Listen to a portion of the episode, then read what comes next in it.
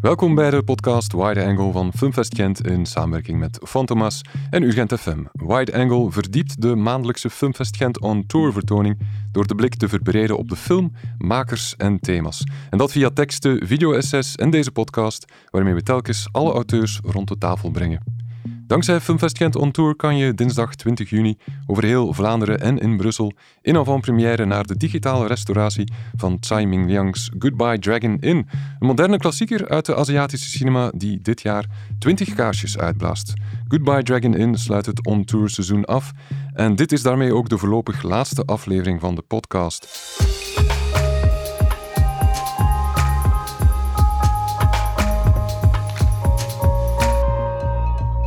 Mijn naam is Tim Marchand en zoals je misschien hoort, heeft de hooikoorts zich wat op mijn stem gezet. Maar het kriebelt nog altijd meer dan de hooikoorts om eh, deze podcast op te nemen. En voor deze dertiende Wide Angle mag ik verwelkomen. Ik ben Patrick Duinslager, ik ben de curator van het programma Classics van Filmfest Gent. Uh, Michael Vermoorteren, schrijver. Daphne de Weert. Ik werk voor Jeff. Wij enthousiasmeren kinderen en jongeren voor film en filmcultuur. En ik ben gewoon een heel grote fan van Oost-Aziatische cinema. Daphne, Goodbye Dragon In is volgens mij een heel toepasselijke slotfilm bij het slot van dit seizoen, maar ook op een andere manier. Kan je ons vertellen waarom precies? Ja, um, Tsai neemt ons op een uh, regenachtige dag of avond mee naar een cinema die zijn laatste filmvertoning gaat hebben. Dus daarom ook de Goodbye Dragon In. Het is uh, de vertoning van de Chinese martial arts film Dragon In. En rondom heel die filmvertoning uh, ontspinnen zich verhalen rond de personages die op een heel ja, Tsai Ming-liang wijze rondwalen in die cinema. En ik denk dus dat dat kei vanzelfsprekend is dat we hiermee ook afsluiten Goodbye uh, on Tour op een manier. Ja, het is een film over uh, ja, cinema en of concreet de plaats dan en uh, cinema bezoeken. En via sociale mediakanalen polste Filmfest Gent naar welke films of scènes maar, men dan daarmee associeert. Ik ben natuurlijk ook niet alleen benieuwd naar ja, jullie associaties, maar wat jullie verwachten dat anderen hebben geantwoord. Welke films komen bij de mensen op bij cinemas en cinemabezoeken? Maar ik denk het uh, absoluut overschatte uh, Cinema Paradiso. dat, is, dat is er eentje van, dat is waar, die is terug ter sprake gekomen. The Last Picture Show. Ja, die uh, zit niet, er ook bij. Niet overschat. Last Action Hero. Zit er effectief ook bij. Ja, er zitten redelijk wat films bij die een metafictieve insteek hebben, zoals Last Action Hero, maar ook Matinee, en één film die twee keer is genoemd, de enige film die twee keer is genoemd, Gremlins. Ah, verrassend. Ja. ja. verrassend, inderdaad. Eh, de oudste film bij de associaties is uh, Sherlock Jr. Uit 1924, ondertussen al met uh, Buster Keaton als een projectionist in het cinema en ook een uh, conciërge daar. En de meest recente, een film die een aantal maanden geleden nog in de zalen speelde. The Fablemans. The Fablemans, ja. ja, klopt. Zelf een heel mooie film ook. Zijn er nog andere films waar jullie zelf aan denken die misschien wel overeenkomen met wat uh, Instagram-gebruikers voorspelden?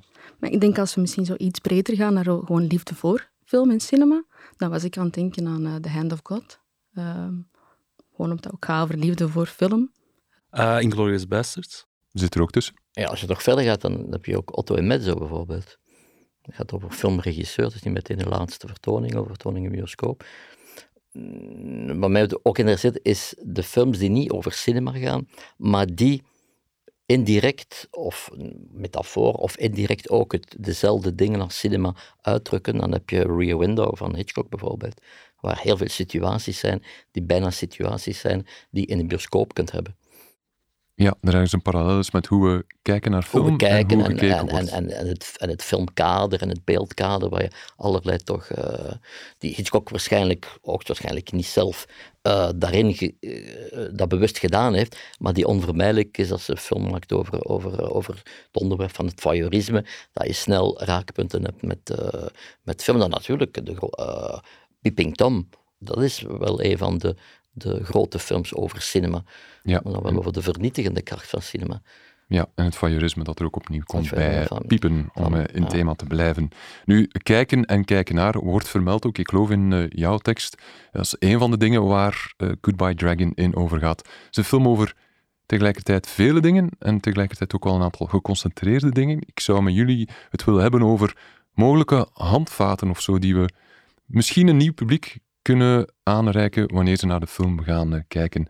Michael, bijvoorbeeld in jouw tekst heb je het over één concrete sleutel. Een aanzienlijk deel van de film uh, wordt de edele kunst van het cruisen geportretteerd. Ergens in een uh, leegstaande ruimte. Een volgestouwde leegstaande ruimte van het binnenkort te sluiten cinemacomplex. En voor mij is dit cruisen een soort um, ja, beginselverklaring van de regisseur. Ik doe mijn uiterste best om het woord metafoor niet te gebruiken, omdat ik daar een beetje klaar mee ben met metaforen in arthouse films. Maar ik denk dat de praktijk van het cruisen hier aangewend wordt om ook heel veel te zeggen over wat cinema voor de regisseur ooit misschien was en nog altijd zou moeten zijn, uh, maar in de heel elegische toon die de film toch enigszins heeft.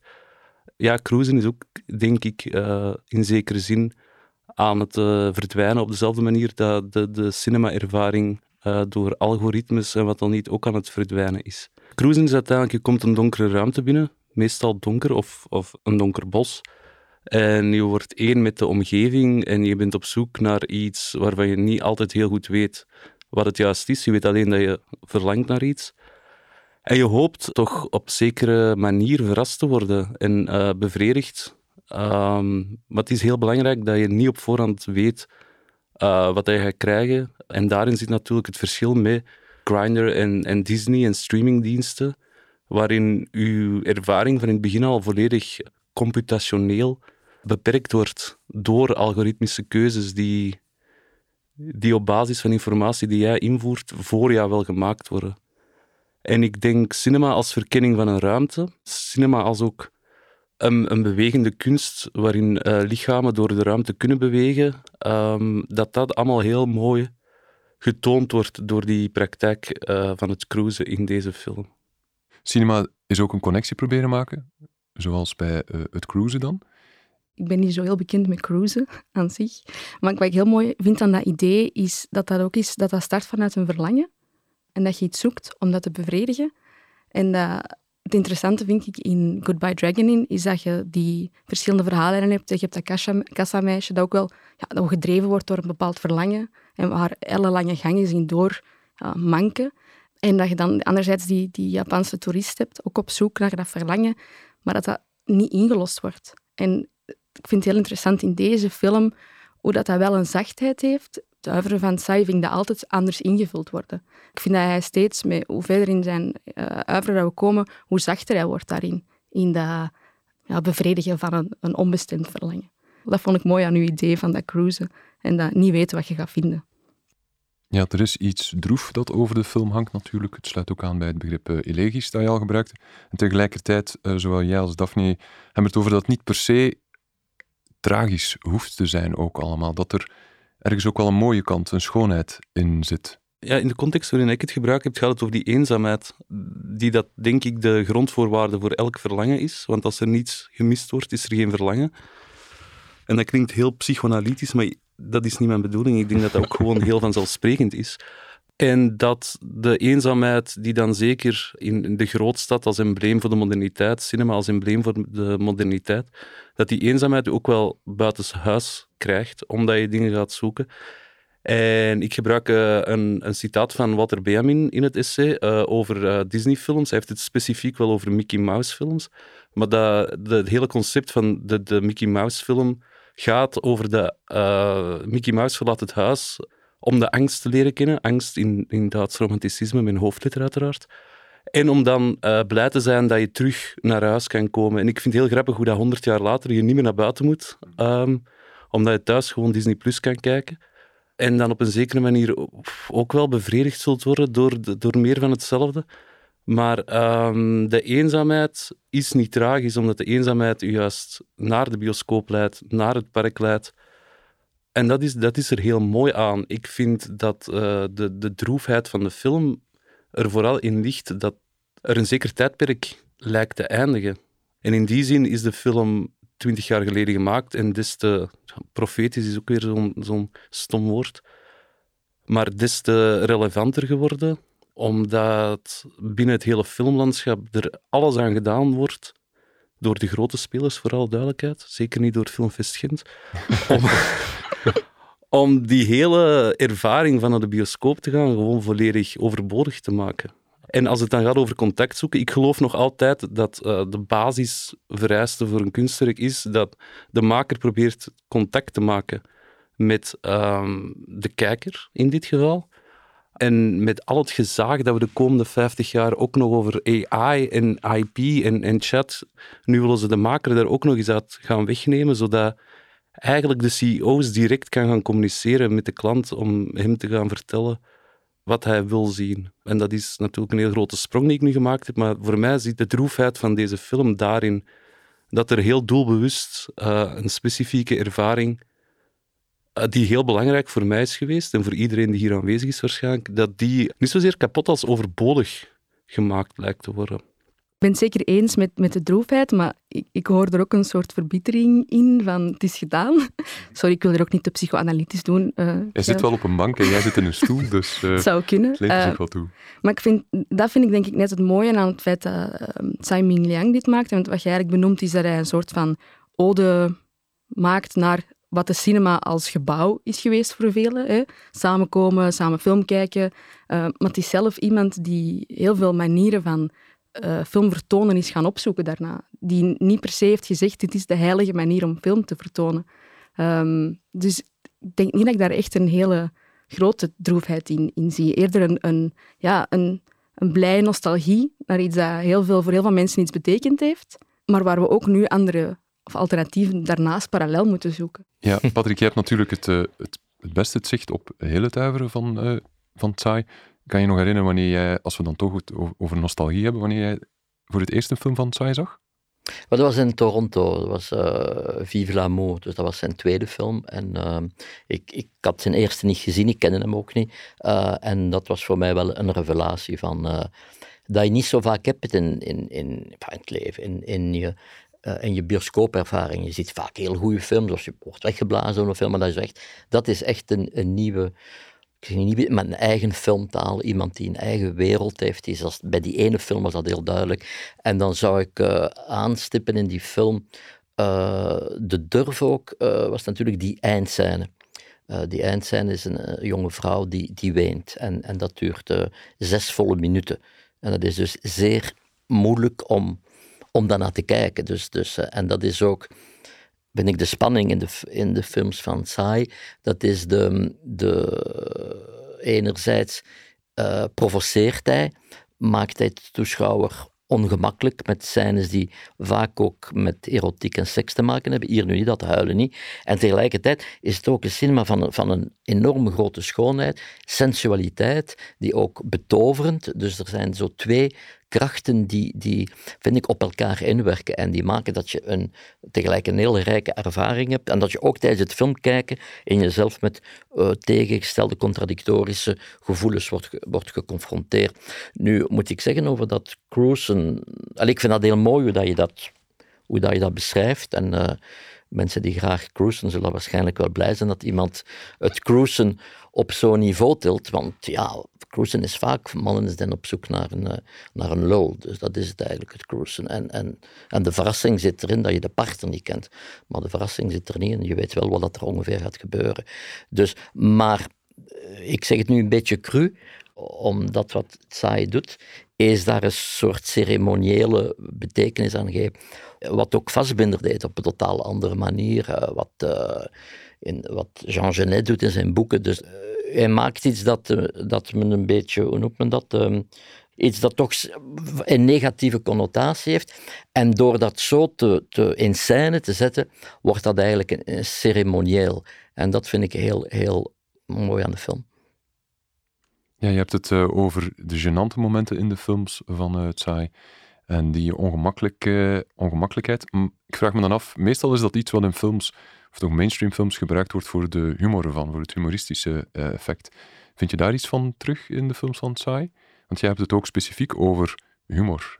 Ja, dat we misschien niet meteen associëren met zijn films. Nee, humor, ik, ja, misschien is het niet, er, zit, er zitten geen gaks in zijn films, maar Um, die eerste film die eigenlijk zo'n beetje de matrix is toch van heel zijn uiver, want alles wat hij daarna gedaan heeft, met die tweede film, uh, want zijn eerste film was minder persoonlijk geregisseerd. Dus die, die echte stijl heeft hij ontwikkeld vanaf zijn eerste film.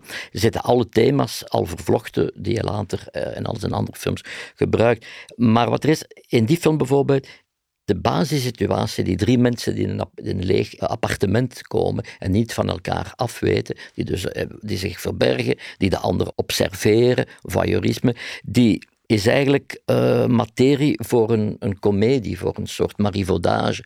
Dus dat zijn eigenlijk elementen die daar ziet. Als je zo zien in, een komisch Frans toneelstuk. En moet je op een moment moet je zich onder het bed verbergen. Dat is een klassieke vaudeville situatie. Maar met die vaudeville situaties doet hij iets heel ernstig, iets heel serieus. Maar blijft dat die situaties iets, iets grappig hebben. Zelfs en de scène die misschien uit zijn werk vind ik toch de meest, meest ongemakkelijk bijvoorbeeld, is als vader en zoon elkaar treffen in, in, in de sauna. Maar ook dat is iets dat iets half komisch heeft. Je weet, niet hoe, je weet zelf niet hoe moet ik daar nu mee lachen of moet ik, dat nu, moet ik nu een beetje ja, toch, uh, dat heel vreemd vinden. Dus er zit toch een soort spanning daar ook in. Spanning in zijn film is heel, heel heel belangrijk, niet in de zin van suspense, maar in de zin van, uh, ik spreek nu over de spanning tussen die, die gevoelens die je hebt bij het kijken van de film, maar ook die enorme spanning die je hebt door zijn stijl, door die opname zo lang te rekken, door, door, door een, een, een scène waarin een vrouw uh, weent, door dat bijna te rekken tot over de grens waar het voor de meeste mensen toelaatbaar is. Dus in die zin is het ook uitdagende cinema. En hij doet dat op veel momenten in zijn films. Als er één begrip is dat ik niet wilde gebruiken, is het begrip slow cinema. Mm. Maar het lijkt bijna ook onvermijdelijk als we het over zijn werk hebben. Ja, ik vind dat wel. ik denk zelfs, als ik, als ik me kan me vergissen, dat het begrip slow cinema nog niet gebruikt werd toen hij zijn eerste films maakte. Want dat is een, want we spreken hier van 94 of zo, ik denk dat slow cinema. Of vergis ik me, maar ik denk, ik ben niet zo thuis in de academische wereld, maar ik heb dat begrip toch pas later gehoord eh, als je aan mensen die geen Aziatische films gezien hebben of niet zien, vraagt en wat vinden van een Aziatische film, ik ga er niet naartoe, dan zullen veel zijn, omdat het zo traag is. Dus er is ook iets aan, en dat, natuurlijk als je dan zegt Kurosawa, klopt dat niet. Maar er is wel iets dat, dat traag is in, in, of ervaren wordt als traag in hun manier van filmen. Dus ik denk dat dat niet alleen geldt voor uh, Tsai, ik denk dat ook uh, de drie grote van de, van de Taiwanese cinema, misschien Hao Xian het minst, toch ook tot die slow cinema op tegen ogenblik behoren. Dus dat dat een soort stijl is die, die persoonlijkheden overstijgt, die, die ook, denk ik, voor een stuk cultureel bepaald is. Ja, in een uh, documentaire over Taiwanese cinema van die tijd was uh, Apichatpong Virasetokul een van de makers die ze interviewde en die zei vroeger viel ik in slaap bij de films van Tsai en nu zeggen mensen dat ze in slaap vallen bij mij. Maar dat is een heel mooie kwaliteit van dat soort van cinema, dus niet als iets uh, negatiefs uh, automatisch. Bijvoorbeeld toen, toen, toen um, Chantal Akkerman uh, Jean, Jean Dielman maakte en toen mensen dat zeiden, dat werd niet het, woord uh, in de kritiek en in de recensie en de analyse, werd niet het woord slow cinema. Men zei gewoon, het is traag, het is langzaam, het is iets, het loopt, de echte tijd loopt parallel met de filmische tijd, dat soort dingen. Dus ik denk slow cinema zo'n soort, een beetje modieus, zo'n term is, een etiket dat men gemakkelijk op iets plakt en in die zin gaat het op. Maar ik vind dat het altijd iets zeer uh, reducerend heeft. Als men zegt, het is iemand die slow cinema maakt, dan is precies van, ah ja, traag, het gaat niet vooruit. Terwijl bij Zhang Mingliang, als het een soort slow cinema is, dan zit in die film toch, toch enorm veel, veel uh, spanning, zoals ik zeg. En er gebeurt ook veel in die films. Maar wat er gebeurt is zeer klein, maar er gebeurt heel veel. En is soms ook heel dramatisch. Maar hij toont het op een gededramatiseerde manier. Bestaat dat, films waar, waarbij je in slaap mag vallen? Voor mij is dat Wim Wenders bijvoorbeeld. Eh. maar ik heb ook van niemand de toestemming nodig om in slaap te vallen als ik moe ben. Ik vind wel, het, het wakker worden dan, wordt deel van de ervaring. En daar, uh, nadien zou ik dan de film wel opnieuw willen zien, maar ik vind dat niet per se iets negatief. Ik heb eerder het omgekeerde dat ik bij veel films overdonderd word door alle, al het tumult en wat dan niet. En dat is dan het tegenovergestelde van uh, in slaap vallen, maar ik voel me daar wel slechter bij dan in een gezellige donkere ruimte omringd door vreemden even een klein dutje te doen en dan terug wakker te worden. Ja, ik hoop dat het niet erg is, want ik ben in slaap gevallen bij Days mm -hmm. uh, van Tsai Ming-liang, Filmfest Gent. 2020 was het. En ik ben hem daarom een tweede keer gaan kijken. En het is wat gezegd, je wilt hem dan nog eens zien. En dezelfde film heeft dan een andere ervaring. Dus ik denk echt dat er niks mis mee is. Michael, het idee van gênante momenten en uh, schaamtegevoelens en zo, brengen mij ook bij iets wat jij in je tekst omschrijft, dat deel uitmaakt van, ik zou zeggen, je pleidooi voor seks in uh, films. Je hebt het over uh, de ontregelende functie van seks en van verlangen, dat enigszins ergens zo voor mij gekoppeld is aan dat begrip van gênante momenten. Dat die dingen ook gênant mogen zijn. Ja, ja, maar waar ik het vooral over heb, is een discours dat de laatste tijd steeds vaker en met steeds kortere tussenpozen terugkomt tegen uh, seks in films, omdat het niet zou bijdragen aan het plot. In films waar dan geen plot is, uh, zou het dan weer wel mogen, denk ik. Maar dat voor mij ook te maken heeft met een soort sanering van de, de algehele filmcultuur. Enerzijds door, uh, denk ik, een verkeerd begrepen begrip van MeToo. En anderzijds ook omdat we overspoeld worden door een, een soort heel nieuw puritanisme, waarbij dat er een, een heel ideologische duidelijkheid zijn bij bepaalde... Ja, in, in, de, in films in het algemeen. Uh, sommige mensen zijn goed, sommige mensen zijn slecht. Ik heb het idee dat dat er. Dat is niet helemaal waar. Ik wou zeggen dat er uh, geen plaats meer is voor een vorm van ambiguïteit, maar dat is wel het geval. Maar dan komt er bij televisieseries waar je die heel eenduidige ambiguïteit hebt van pakweg. Ik heb het niet gezien, maar Breaking Bad, waarin dan een goede mens slechte dingen doet en dan uh, dat soort dingen. Maar er is in, in cinema nog maar heel weinig ruimte voor rommeligheid op, op ideologisch en identitair niveau omdat de, de meeste dingen een soort één op één begrepen moeten kunnen worden. Identiteit wordt altijd uitgedrukt als uh, strikte sociale interpretaties van, van lichamen. En ik denk dat seks, als het goed is, en misschien ook als het slecht is, uh, ons juist in zekere zin uit onze identiteit wegtrekt. En dat is ook wat dat cinema moet doen. En ik denk dat dat het punt is. Uh, we leven in een tijd waarin dat mensen het gevoel hebben recht te hebben op een één-op-één representatie. We leven in 2023 en men probeert mij wijs te maken dat een zwarte zeemermin dat dat niet alleen heel revolutionair is, maar daarbij ook per definitie een meerwaarde. Terwijl binnen het pleidooi dat ik probeer te houden, waarbij cinema en seks juist manieren zijn om de opvattingen die je over jezelf hebt te doen ontregelen, ik zie binnen dat discours uh, tegen seks binnen cinema een soort gelijklopende strekking. Al had ik waarschijnlijk wel net iets beter kunnen voorbereiden hoe dat ik dat juist zie. Maar er zit iets uh, heel expliciet en niet alleen in seks, iets wat ons uit onze eigen identiteit juist zou moeten trekken. En ik denk dat ik het omschrijf als het verlangen om tegelijkertijd meer en minder dan jezelf te zijn. Dat voor mij, dat discours tegen seks in, in kunst, in, in, in cinema, opeens heel duidelijk maakt. Tegen die één op één, dat één op één idee van identiteit en representatie binnen film, waarin dat je dat, dat idee van I felt seen door een film, terwijl het eigenlijk de taak van de kijker is om naar de film te kijken. En als je dat effectief zelf doet, dat je dan heel waarschijnlijk tot de vaststelling komt dat je met een Japanse toerist, ook al ben ik zelf een witte westerse man, heel goed kan mee leven daarmee. Ik denk dat het mijn bedoeling was om dit, maar dan veel beter verwoord uitgedrukt te krijgen. Ja, maar dus alles wat je zegt van dit mis ik momenteel in cinema, is wel wat je dan terugvindt in de films van Tsai, in bijzonder... Ja, misschien wat ik in die films leg. Dat ik wil niks op uh, Tsai zelf gaan pinnen, maar dat is wel voor mij de, de generositeit van zijn film, specifiek deze dan, om het daarbij te houden, is juist de ruimte te krijgen om misschien eens niet met jezelf bezig te moeten zijn uh, op dat identitair niveau. Ligt daar voor jullie ook de sterkte in bij het saai? Ja, ik, ik sluit mij aan bij, bij zeker dingen die, die Michael uh, zei. Uh, maar dat, dat heeft dan niks betrekking direct op die films. Maar ik vind het wel bij Tsai Ming Lang zeer... Um, een beetje in the eye of the beholder. Dus je, je, je ziet natuurlijk dingen, en er zijn algemene dingen die iedereen ziet. Maar voor de rest kan die film door iemand die, die dat door een andere bril ziet, op een totaal andere manier ervaren worden. Dus uh, in die film bijvoorbeeld is het Cruisen zeer duidelijk, maar ook in zijn andere films zitten bijvoorbeeld heel veel uh, homoseksuele suggesties of personages of situaties, maar die, die zo gefilmd worden en zo in, in, het, in de film verwerkt worden, dat men daar eigenlijk kan, men kan daar voorbij kijken. En in zekere zin is dat een kwaliteit, want dat maakt het natuurlijk minder expliciet en minder dwingend, dwingend in interpretatie. Maar wat, ik, wat we nog niet behandeld hebben, maar wat misschien toch dat daarbij aansluit, is wat zijn films voor mij, maar al zijn films dan samen in de hele zin zo interessant maken, is um, zoals Jean Cocteau was die het zei, le cinéma c'est la mort au travail.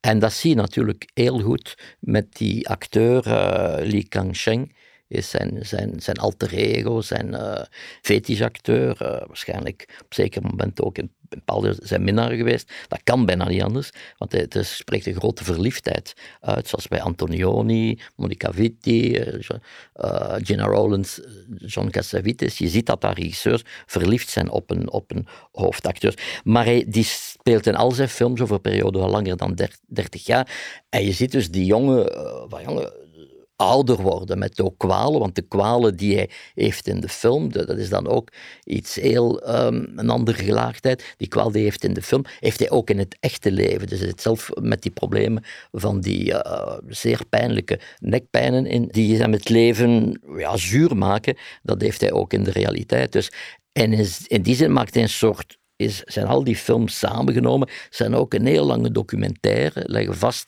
het leven, de, de aftakeling, het ouder worden proces van, een, van iemand die er in zijn jeugd toch wel zeer aantrekkelijk uitzag en die toch ook door hem als een soort erotisch object uh, wordt, uh, wordt getoond in zijn films. Vandaar ook de relatief vele naaktscènes uh, die hij filmt met, met die acteur en ook die, die absoluut niet noodzakelijk zijn, maar die, die deel uitmaken van zijn, zijn blik op die acteur. Dat vind ik ook iets triest. De triestigheid aan, aan die films is dat je eigenlijk het verval ziet. Je ziet het verval in het verhaal van de film, de situatie, maar je ziet ook het verval van de hoofdrolspeler. En dat is, uh, dat is toch iets zelden in films, dat dat op zo'n lange periode en ook vanuit zo'n heel lange obsessie.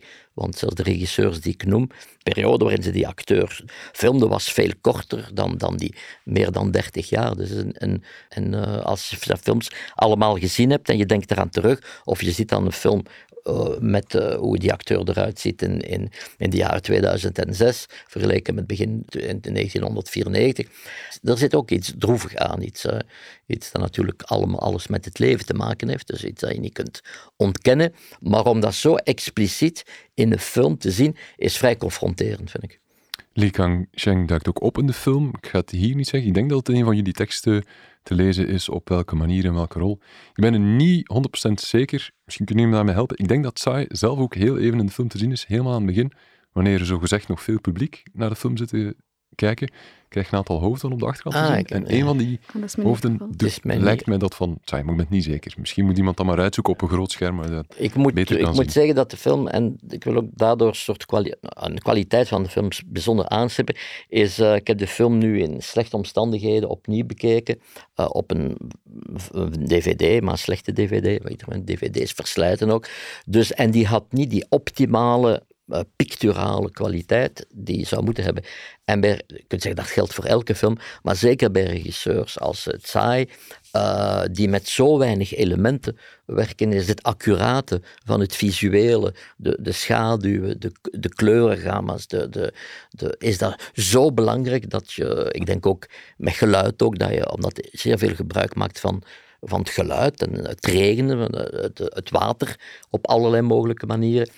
En dat dat zijn film zo kwetsbaar maakt. Dus zijn film die je absoluut moet zien. Vandaar ook oproep om die film in de zaal te zien. Film die je absoluut op een groot scherm moet zien in de best mogelijke uh, technische kwaliteit. Ook zeker voor het geluid. Want geluid is, is, is uh, die film bijvoorbeeld, die hele film van King Hu. Die leeft door de hele film dankzij het geluid. Want je ziet de film, maar je ziet maar één fragment. Uh, je, ziet, je ziet de film vervormd door, door, door de ogen van de personages die in de zaal die film bekijken. En dan gaan ook een positie. Maar de geluidsband wordt, wordt heel veel door, door zie je, je natuurlijk overal. En dan maakt dat die film op geluidsniveau ook voortleeft. Ja, inderdaad, we mogen dat niet onderschatten ten opzichte van het uh, visuele. Ik wil het sowieso nog hebben over dat voelen bijna, dat lichamelijke. Maar laten we misschien heel even blijven bij die filmkeuze toch. Goodbye Dragon In, Dragon Gate In, Dragon In, de Wuxia-film van King Hu uit 1967. Ja, wat maakt dat zo'n mooie keuze? Want het is geen Disney-cartoon bijvoorbeeld, waar ze zitten naar te kijken op de slotdag van de cinema. Ik vind daar meerdere argumenten voor of zo. Uiteindelijk vanuit mijn standpunt dan ook weer. Denk enerzijds, en dat is waarom dat ik de film zo goed vind, is het lichaam is zo aanwezig in de film. En er is een, een, traagheid, maar er is ook, wat ik in mijn tekst dan aanstiep, als een soort broosheid aan lichamen. Uh, en het contrast met een film zoals Dragon is gewoon enorm.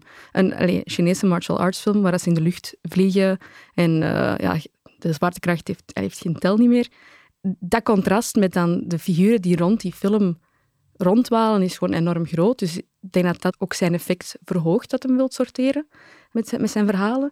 En anderzijds denk ik ook gewoon, dat is een heel belangrijke film geweest voor ja, Taiwan tout En ook voor Tsai Ming-liang zelf. Als ik het me nog goed herinner, dat, dat, dat hij ook grote liefde heeft voor dit soort cinema en dat hij daarmee opgegroeid is. Ja, en dat laat hij op verschillende manieren ook zien in de film zelf. Ja, ik denk dat inderdaad ja, ja, zo is het. Dus dat die film als contrast met, uh, je kijkt naar iets, naar, een heel spektakel. Is ook iets heel, heel, als je daarover nadenkt, is ook iets dat je zelf ook hebt. Hè? Bedoel je, de lievelingsfilms corresponderen niet met wat je graag ziet in, in het echte leven. Of bedoel, uh, ik, uh, mijn, mijn lievelingsgenre is de western, maar ik ben nauwelijks in de nabijheid van een koe geweest ooit in mijn leven. Dus, Cowboy Patrick. Dus daar, maar ook nog iets, de King Hu is, een, is toch wel een mythische figuur toch even zeggen dat King Hu is naar het festival van Gent geweest in der tijd, met een van zijn latere films. Maar is ontdekt geweest met de film Touch of Zen in Cannes, denk 75 of 76. En dat was een revelatie voor iedereen. Zoals je zegt, die acrobatie zien in een film. Uiteraard was er sprake van digitale effecten. Dus uh, hij werkte vaak met trampolines. Hè. Dus, dus de sprongen echt de lucht in en traden en met uh, code. Dus ik denk ook dat indirect Zhang Mingliang, bewust of onbewust, heeft niet zoveel belang, een lans breekt voor de cinema van de fantasie, van de, van de verbeelding, van de dingen die niet kunnen. In tegenstelling tot zijn films die uiteraard niet realistisch zijn, maar die gaan over heel, heel concrete relaties, problemen, kwalen, waar we ons allemaal kunnen herkennen. Het is een beetje de cinema als droomfabriek. Dus uh, zoals uh, Peter Bogdanovich eindigt uh, de laatste vertoning is daar Red River van Howard Hawks. In de Last dus, Picture Show. In de Last Picture Show. Dus het is logisch dat hij dan kiest voor wat voor in zijn cultuur de commerciële cinema is. En, hoe zeg je? en ook een hoogtepunt. Hè? Een hoogtepunt. Ja. Uh, ja. Inderdaad, het contrast is ook groot tussen de, de lichamen in de Wuxia-films die een en al kracht uh, en beweging ook. En dat dan met de tijd en het geduld die uh, Tsai in zijn film stopt. En dat brengt me eigenlijk dat lichaam tot, ik denk echt wel de gemene deur in al jullie teksten op een bepaald moment. Uh, om een beetje voor contrast te zorgen, Patrick spreekt in relatie tot de hol van Tsai over een lichaam als een defecte loodgieterij. Dat is niet de titel geworden bij jouw tekst, Daphne, maar wel lofzang op het broze lichaam. Eh, die lichamen en, en en films. En dan kijken we ook vooral naar jullie, maar zeker ook naar uh, Michael, die het heeft over. Ja, cinema is onlosmakelijk verbonden, lijkt toch zo, met het lichaam uh, en verlangens. Wat moeten we weten als het gaat over lichamen in de films van Tsai? Ja, lichaamsvochten. Ook. ook.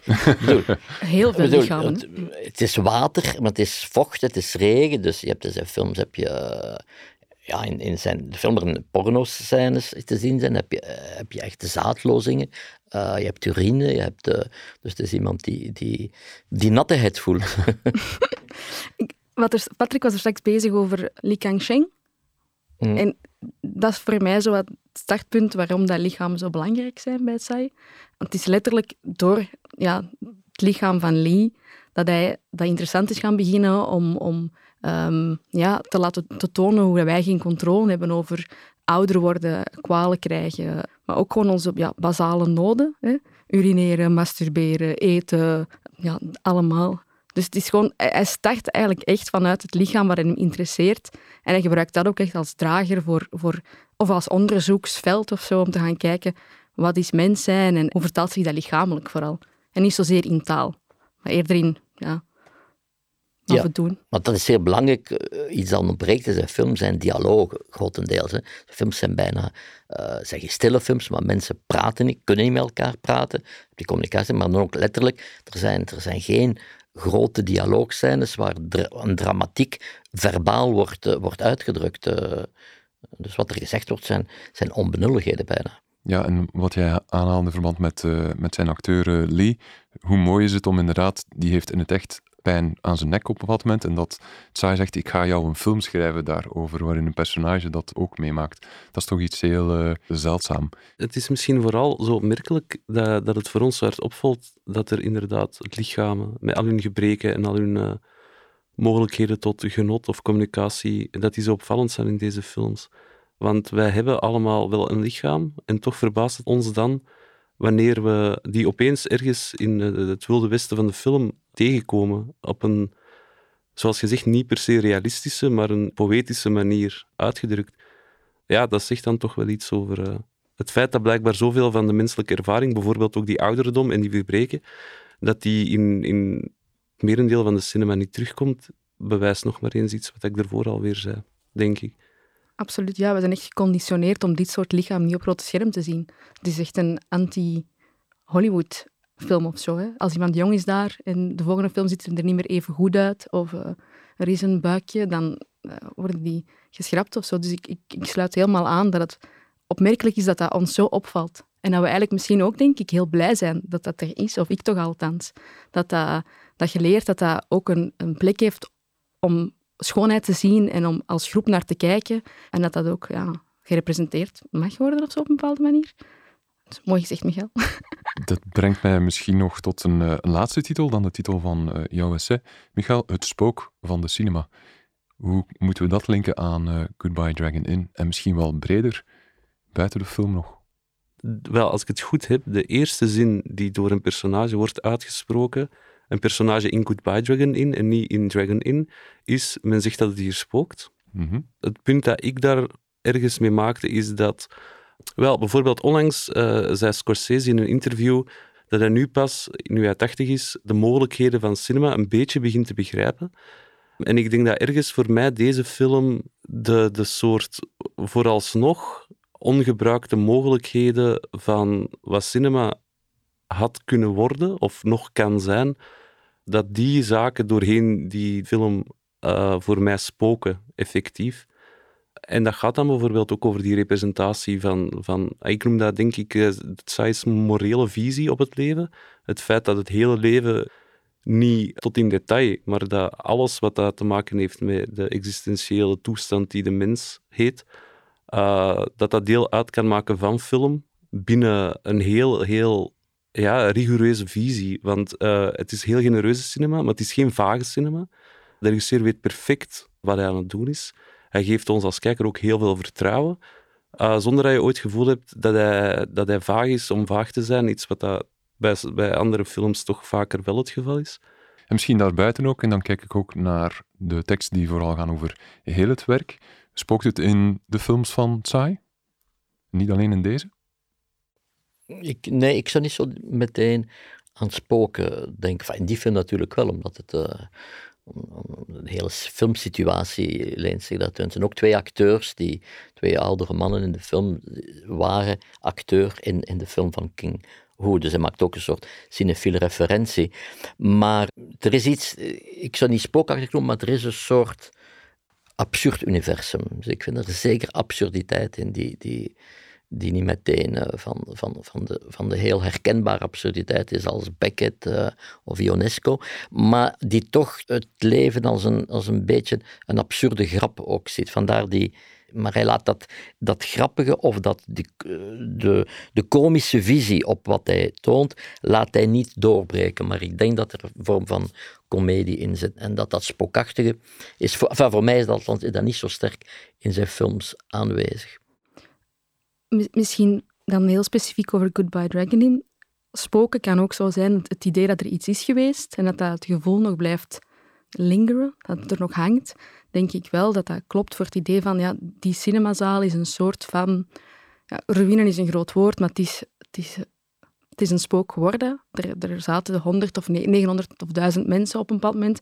Nu zijn dat lege stoeltjes, maar daar hangt nog altijd wel voor veel mensen dat idee van wat dat, dat was. Dus denk op die manier de, ja, de belofte die er niet meer is, of, of, de, of ja, de invulling die weg is, dat dat wel spookt. Voor die 900 of 1000 zitjes ben ik ook niet zeker. Maar het goede ook aan de cinema van Sang Yang is dat als je lange shots hebt en die shots blijven zijn lang aangehouden, heb je ook tijd om te tellen. Ja. Vandaar dat ik ongeveer een schatting heb gemaakt hoe groot die, cinema, die cinema was. Omdat ik dan ook denk, ik schat 700 plaatsen, maar er moet toch ook een balkon zijn. Dus, dan nog, dus ik dacht, voilà, dus... Uh, maar ik zeg dat niet om te zeggen dat ik mij verveel, maar zo cinema laat je toe om, om met andere dingen bezig te zijn tijdens de film. Wat natuurlijk het beste is dat je, dat je op de, op de film geconcentreerd bent. Maar het zijn ook dingen die, die uh, je, als je kijkt... ik heb dat toch een, een het, het, nadeel. Als je naar een film kijkt, dat ik me zelden volledig verlies in een film. Dus ik blijf toch altijd een beetje analytisch naar een film kijken. We gaan uh, misschien vanaf nu kijkopdrachten meegeven dan. Dus uh, hoeveel zitjes telt de cinema? En is het de achterkant van het hoofd van saai, helemaal in het uh, begin van de film? Maar wat jij zegt over spook kan ook zijn van iets wat er was, maar nu niet meer is, doet me ook denken aan het gebouw in I Don't Want to Sleep Alone, waar je een soort inversie hebt. Het gebouw is er nooit gekomen. En je hebt het, het, het, het, spook dat er ook nooit niet meer kan zijn, want het gebouw is nooit een volwaardig gebouw geweest. Het is in het skelet dat een aantal mensen in die film gaan intrekken. En uh, toen je daar straks sprak over Scorsese en wat die uitte, ik denk mocht Scorsese op het einde van Goodbye Dragon In uit de cinema zijn gewandeld en dat hebben gezegd, ik ben 80 jaar en ik weet nu pas wat de mogelijkheden zijn van cinema, zou ook heel erg goed passen, emotioneel, tonaal, uh, in die films. Misschien om naar het einde toe van ons gesprek te komen. Straks hebben we een vraag die steeds terugkomt in verband met de watchlist, maar ik wilde voor vandaag toch een extra vraag op het uh, einde stellen gezien dit een film is over een cinema die gaat sluiten, en daar wordt nog een laatste film vertoond, is mijn vraag, stel dat jullie meest geliefde cinema sluit, welke film moeten ze daar dan vertonen waar jij dan hopelijk op aanwezig bent? Maar voor mij is het vooral belangrijk uh, wie dat er mee in de zaal gaat zitten, zodat we kunnen cruisen. Dus doe maar uh, Goodbye Dragon In dan. Patrick? Als het de laatste film is, en we mogen toch fantaseren, dan zou ik hebben dat het een, een eeuwigdurende film is waar geen eind aan komt. Die film is nog niet gemaakt, maar dus die zou dan moeten bestaan. Wel, misschien zou ik de film kiezen die ik gewoon al het meest gezien heb. Um, en wat ook gewoon mijn favoriete film is, en dat is Chunking Express. Um, gewoon omdat dat mij altijd emotioneel veel doet. En bij zo'n sluiting zou ik misschien ook wel een traan laten, en dan kan dat voor meerdere redenen te samen zou verbaasd zijn hoe, hoe, hoe, snel dat een uiver van sommige regisseurs uh, toch kort staat bij het begrip uh, eeuwigheid. Hoor. Als je naar kijkt. Ik had natuurlijk uh, tijd om zelf na te denken over de vraag, maar ik moest meteen denken, niet aan de eerste Gremlins, maar aan de, de tweede Gremlins, waar op een bepaald moment de monstertjes een projectie verstoren. En ze nemen de filmrollen af, of iets dergelijks, en we maken de film eigenlijk kapot. En in het publiek van de cinema, zijn aan het kijken naar hun eigen film, dat is ook een soort van metalaag, staat de Hulk Hogan op, die naar de film zit te kijken en dan de Gremlins dwingt om de film terug op te leggen. Dat zeg ik half grappend, maar dat bracht mij eigenlijk tot uh, uh, Two Lane Blacktop, uh, die op het einde die eindigt met een race en op het einde lijkt de film zo op te branden. En dat lijkt me wel een mooie ook, mocht dat dan het laatste beeld zijn. En dat is ook een film die ik voor vrienden heb vertoond in een cinemacontext toen het voor het eerst terug mocht na de lockdowns. Dus in 2021, nadat we meer dan een jaar niet naar de cinema mochten.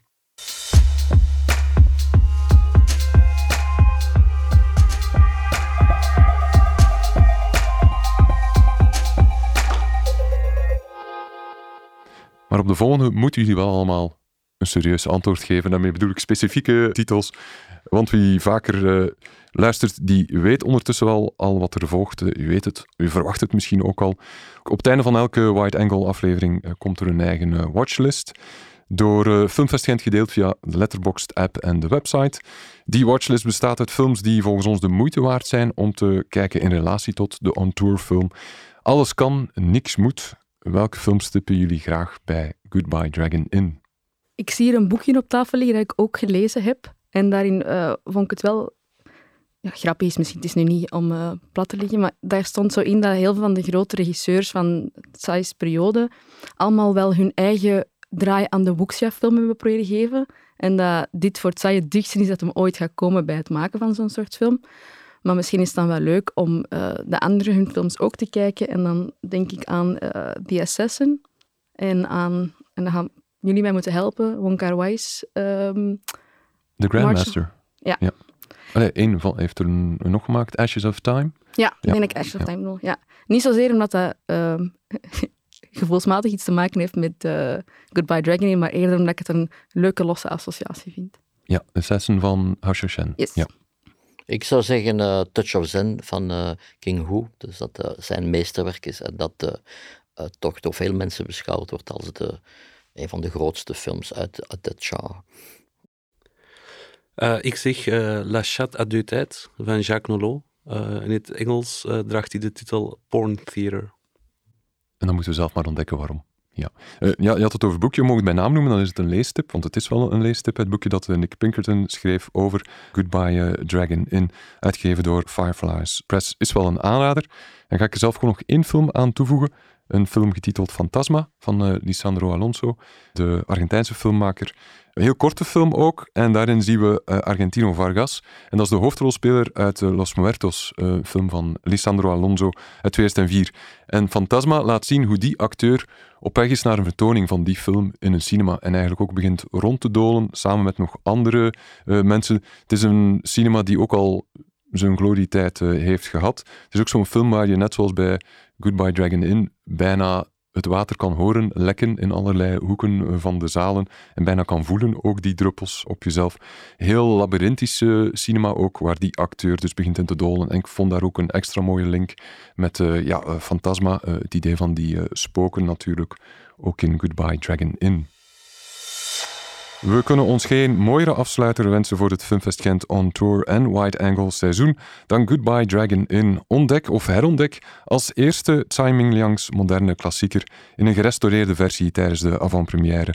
Dinsdag 20 juni, niet in het Fuho Grand Filmpaleis in Taipei, wel in verschillende cinemas en cultuurhuizen verspreid over Vlaanderen en Brussel.